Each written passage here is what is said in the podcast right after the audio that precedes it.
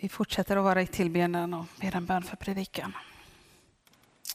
Ja, herre, jag ber att du ska öppna våra ögon och öron och varje hjärta för det budskap du vill ge oss genom den här predikan eller det andra som händer i den här gudstjänsten. Herre, hjälp oss att tillsammans bygga en församling, din församling. Så ber vi i Jesu Kristi namn. Amen. Det bibelord som jag tänkte utgå från i den här predikan, det har jag hämtat ifrån Efesiebrevets andra kapitel, verserna 20-22. Där står det, ni har fogats in i den byggnad som har apostlarna och profeterna till grund och Jesus Kristus till hörnsten. Genom honom hålls hela byggnaden ihop och växer upp till ett heligt tempel i Herren. Genom honom fogas också ni samman till en andlig boning åt Gud. När man bygger ett hus, då kan man göra på lite olika sätt tänker jag. Det kan se lite olika ut när man är färdig. Det har barnen fått testa lite idag på förmiddagen. Man skulle kunna bygga ett rakt och fint hus med många bitar som är ganska lika. Som kanske har någon särskild viss funktion som gör att det blir likformigt och ser kanske ut som vi tänker att ett hus ska se ut. Ungefär kanske som det här huset som barnen har byggt idag. Så där tänker vi kanske ett hus ser ut. va? Fina raka kanter, liksom, eh, här har det sin funktion och där har det sin funktion. och liksom, ja, Ett hus. Så kan man bygga när man bygger hus. Men när man bygger församling, är det typ så det ser ut då? Ja, kanske inte riktigt. För jag tänker, vi är ju rätt olika.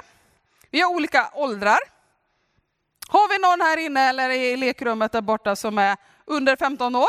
Kan ni vifta alla som är under 15 år? Där sitter många. Och några där vinkar, kanske inte, de leker med något annat. Eh, har vi någon som är över 70 år? Kan ni vinka? Ja, det var ett helt gäng här också. Och sen är ju några långa och andra korta, en del är smala och andra tjocka om man vill börja sjunga en Ingmar Olsson-låt. Eh, och i den här församlingen så, vi, vi är ganska lika kanske när det gäller etnicitet i vår församling. Det kan man ju se som en brist. Kanske kan göra vissa saker enkelt, men jag tänker fortfarande att det är en brist. Ganska mycket kanske samma samhällsklass, om vi nu pratar om samhällsklasser idag. Men vi har olika yrken. Och en del går i skolan och en del är bra på någon sak och någon på något annat. Jag menar, en del snackar för mycket ibland, liksom så va. Andra spelar piano bra, en del kan måla fönster, andra målar fina teckningar där nere och en tredje är liksom jättebra på att baka såna här goda långpannekakor. Vi är olika, är bra på olika saker. Så jag tänker när vi bygger församling, då ser det ju mer ut så här. Eller hur? Bygge nummer två här som barnen också fint har byggt åt oss här för att illustrera detta. Och jag tycker det är bra när det ser ut så här. Men det kan ju göra att vi tänker att det inte är så lätt att liksom hitta någon struktur, och organisation och hur vi vill och så. va. Alltså en del kan ju tycka att det verkar lite stökigt om var församling så här tycker att det här känns ju mer ordning och reda. Jag är ju ganska fyrkantig, men så jag är lite attraheras av det där måste jag erkänna på det sättet. Eh, men någon annan tänker ju att oh, men ett sånt här församlingsbygge, det, det är ju precis vad jag vill ha, för det gör jättebra förutsättningar att när jag kommer hit och är med här, då får jag vara precis som jag är och det är ju liksom helt okej okay och jag passar in. Hade jag satt mig där så hade det kanske inte blivit lika bra. Någon tycker att man kanske inte riktigt vet hur man ska bete sig för det blir inte den ordning och reda man vill ha. Det kan bli lite luddigt kanske någon tycker. En del tycker, att någon ordning måste det väl vara på torpet. Och kommer någon ny här, så kan det ju vara så att det finns en del människor som tycker att ja, men det här känns mycket tryggare för mig. Medan en del tänker att ja, men det, här känns, det här känns livfullt och härligt. Vi är olika. Vi tycker olika, vi tänker olika om hur en församling ska vara. Men jag hoppas att vi alla, trots om vi attraheras av det ena eller andra, kan enas i att Jesus Kristus är centrum. Så som det står i vår församlingsvision.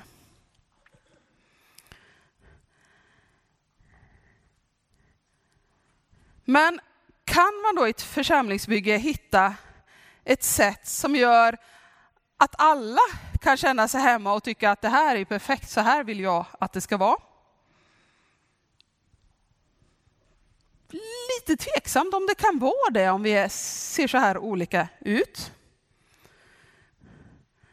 Vi skulle ju kunna göra massor olika saker, bara någon gång ibland, så är i alla fall någon nöjd någon gång. Så kan det ju vara. Men kanske svårt att göra så att alla blir nöjda hela tiden. Å andra sidan, och det här har jag tänkt på mycket, liksom, måste jag själv bli tillfredsställd för att gå till kyrkan?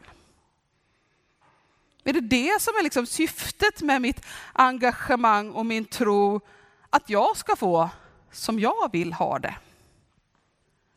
Eller har egoismen och individualismen på gott och ont smugit så långt in i kyrkan så att vi nästan blir konsumenter även när vi kommer hit.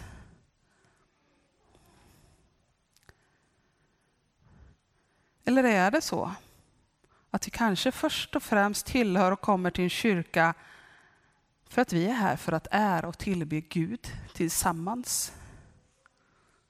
Alltså det vi gör nu till exempel, det heter ju Guds tjänst.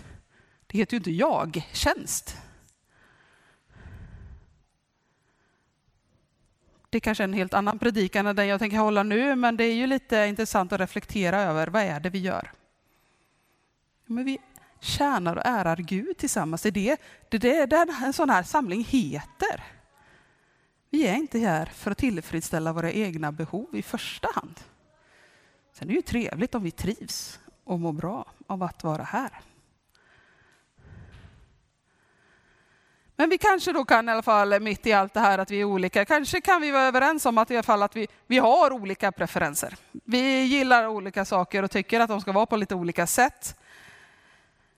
Och mitt ibland det så tänker jag att vi ibland får fundera på om vi måste våga välja och göra strategiska val i vårt sätt att vara och hur vi gör. Jag vill bygga den kyrka mina barn vill vara med i. Typ så sa en av mina kurskamrater på pastorsutbildningen. Jenny heter hon, tillhör Hillsong. Jag tänker att det inte spelar någon roll vilken situation hon kommer ifrån. Vad händer med dig och mig om vi tänker att jag bygger inte kyrkan för min egen skull, utan jag bygger kyrkan för nästa generations skull? För att det här som vi gör tillsammans ska få fortsätta att leva. Skulle vi då bli bättre på att öppna upp för vad nästa generation önskar? Skulle vi kanske bli mindre egoistiska i vårt sätt att tänka om kyrka? Skulle ett sådant tankesätt hjälpa oss också att finna en glädje i att ära Gud även om det inte sker på det sättet som just jag kanske skulle välja i första hand om jag skulle tillfredsställa mina egna behov. Jag tror att en av de största riskerna med att vara församling, det är att vi blir lite för bekväma. Lite för nöjda med vad vi har, vad vi är och vad vi gör. Men där vi är, är inte dit vi ska. Så står det i den här boken jag viftade med i början idag. I alla fall inte om vi vill bygga för framtiden. Och det gör att det kan vara så att vi skulle behöva vara lite flexibla och acceptera förändringar ibland. Och ni som kommer ihåg den där kurvan Ida-Maria hade på slutet, så är ju det lite olika lätt för oss. Och det får vi också acceptera, att den olikheten finns inom oss och vår som grupp. Så här har vi alltid gjort, eller så här har vi aldrig gjort förut.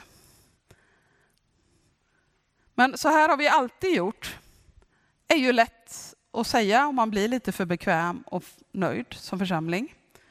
Men hur bra än det verkar, så här har vi alltid gjort, så kan det vara ett hinder på en församlingsväg mot framtiden.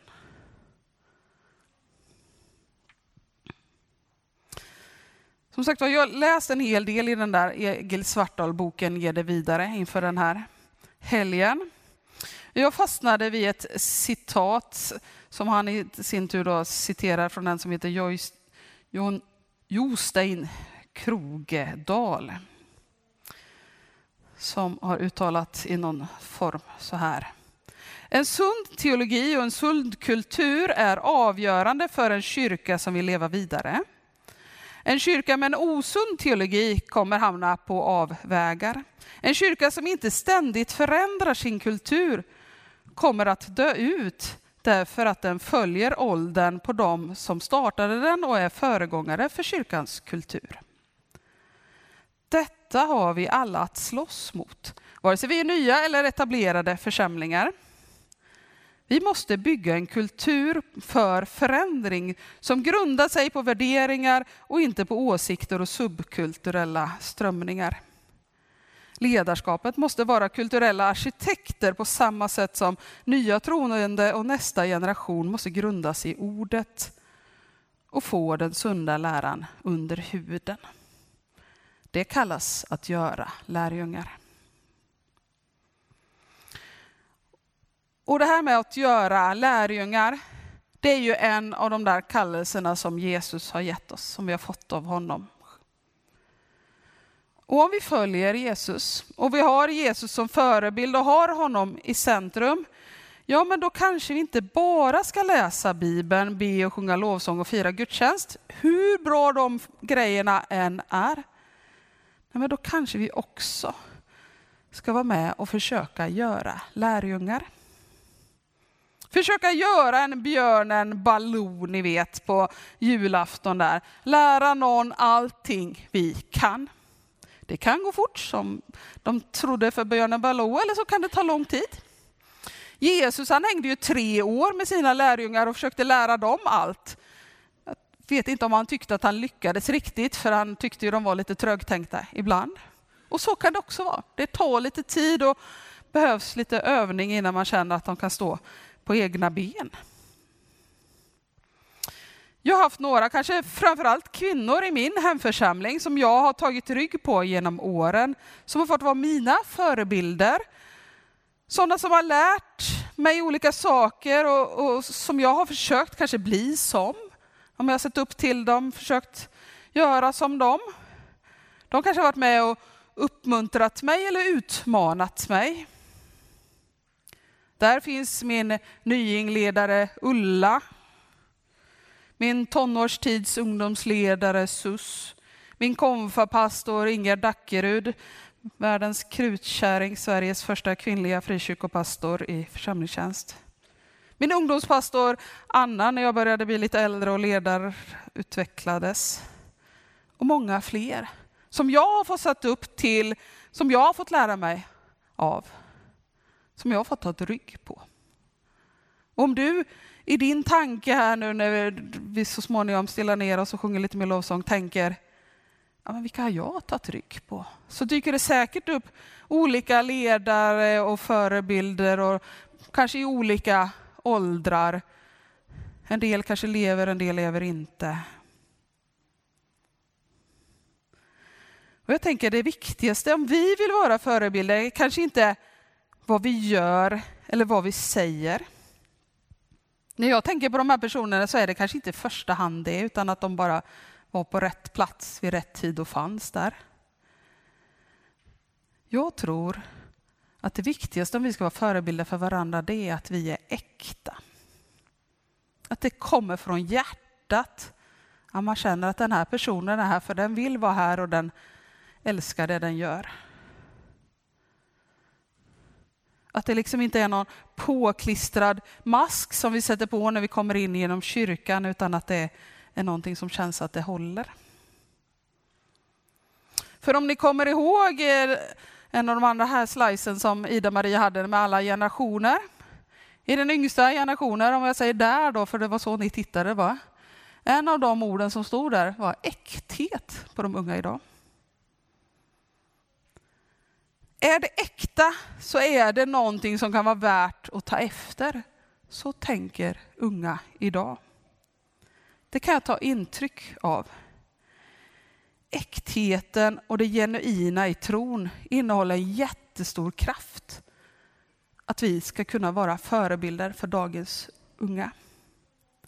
Men är det inte äkta? Nej, men vad ska då unga människor idag lägga tid och kraft och energi på att engagera sig i någonting? Varför ska de vilja utforska det mer om det inte är äkta? På engelska brukar man prata om i det här fallet is it good? Är det något bra? Alltså, kan det här vara med och rädda världen? Tycker ju generation kris, för det är det som behövs för dem.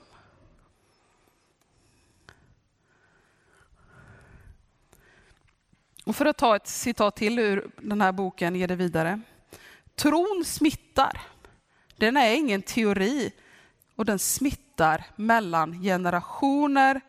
Om den unga generationen får ord utan liv blir den inte kvar. Tänker ett citat som väldigt tydligt passar in mellan generationer idag, framförallt mot den unga generationen. Men jag tänker att jag upplever en ung generation nu som kanske mer söker gemenskap med äldre. Och det kanske är för det som Ida-Maria sa, att de i ändarna här har ganska mycket gemensamt i värderingar. Och jag tänker att de kanske inte i första hand vill göra uppror som väldigt många andra generationer har försökt göra, att vi vill inte vara som dem och så vidare och våra barn ska få det bättre än vad vi fick och, och så, som ni också hörde Ida-Maria sa. Det är möjligt att man gör uppror med sina föräldrar. Det, det tänker jag att det kanske alltid ingår i konceptet barn-förälder på något sätt. Men jag tror inte att deras första drivkraft är att göra uppror mot äldre idag.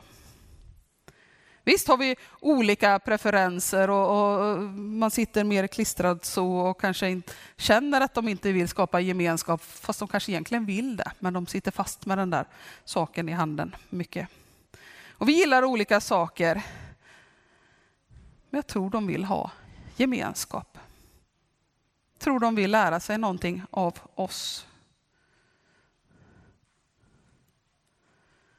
Men jag tror också som sagt, som jag sa, att jag tror att de vill veta att tron kan vara ett verktyg för att hantera det som de möter i världen runt omkring. Hur den ser ut, hur man ska kunna leva i den.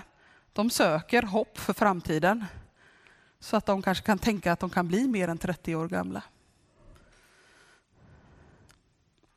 Och där tror jag att vi alla har en roll att fylla som förebilder för varandra. Och egentligen vare sig man är fem år eller 85 år så tänker jag att det finns andra som skulle kunna lära sig någonting av dig.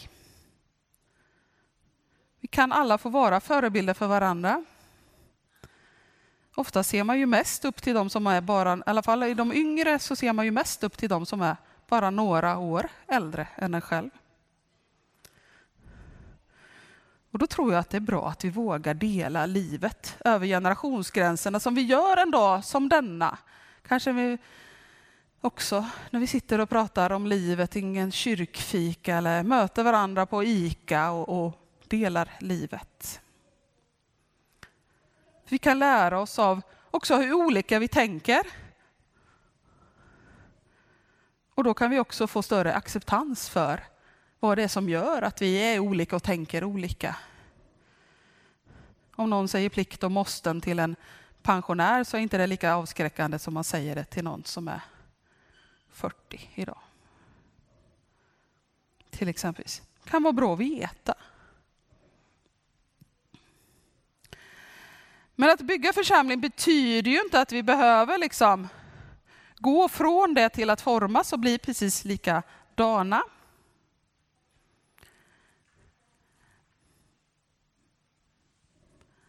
Men det gör också att vi kan liksom, när vi tänker så här, då tror jag att vi kan lättare motivera för egentligen människor i alla generationer att här får du plats. Och här får du vara som du är. Vi måste lära oss att alla inte tänker precis som jag gör. Alla vill inte precis som jag gör. Eh, det som jag gillar. För att ta ett konkret exempel. I, i somras så var jag och min stora syster samtidigt i sommarstugan och satt efter någon kvällsmat och pratade med våra föräldrar. Och vi pratade lite om församling och vi kom in på det här med engagemang i kyrkan. Kom in på det här med pliktkänslan. Om att ställa upp och så. Någonting som många av er äldre kanske tar för givet. Men vi hade jättesvårt i det här samtalet att mötas, hur vi tänkte olika generationer. För våra värderingar och karaktäristiska egenskaper generellt liksom skiljer oss ju så mycket från min föräldrageneration och, och min och min systers generation. Sen finns ju en till och då blir det ett snäpp till kanske, hur man tänker. För jag menar, jag, både jag och min stora syster har väl fått en och annan skopa av engagemang i vårt DNA. Och eh, det kanske till och med smittar ner en generation till, vem vet. Men vi är ju olika som personer och det sa ju Ida-Maria också, det är ju väldigt generaliserat de här kategorierna som hon hade på den här sliden.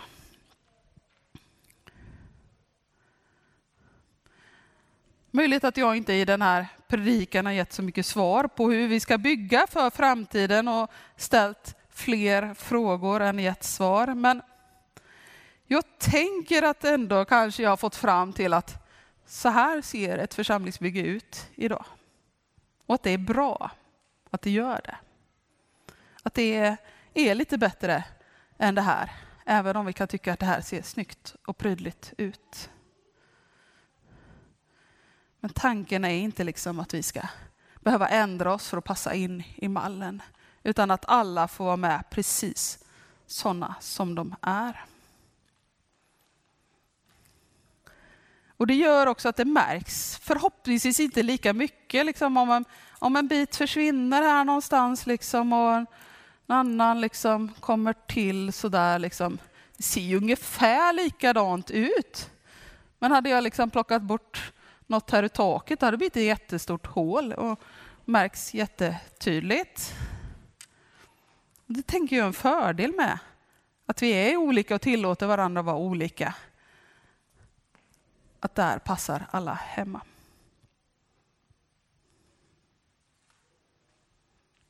Säger amen där. Eh, vi kan nu gå över och ska vi sjunga en psalm tillsammans. Ska sjunga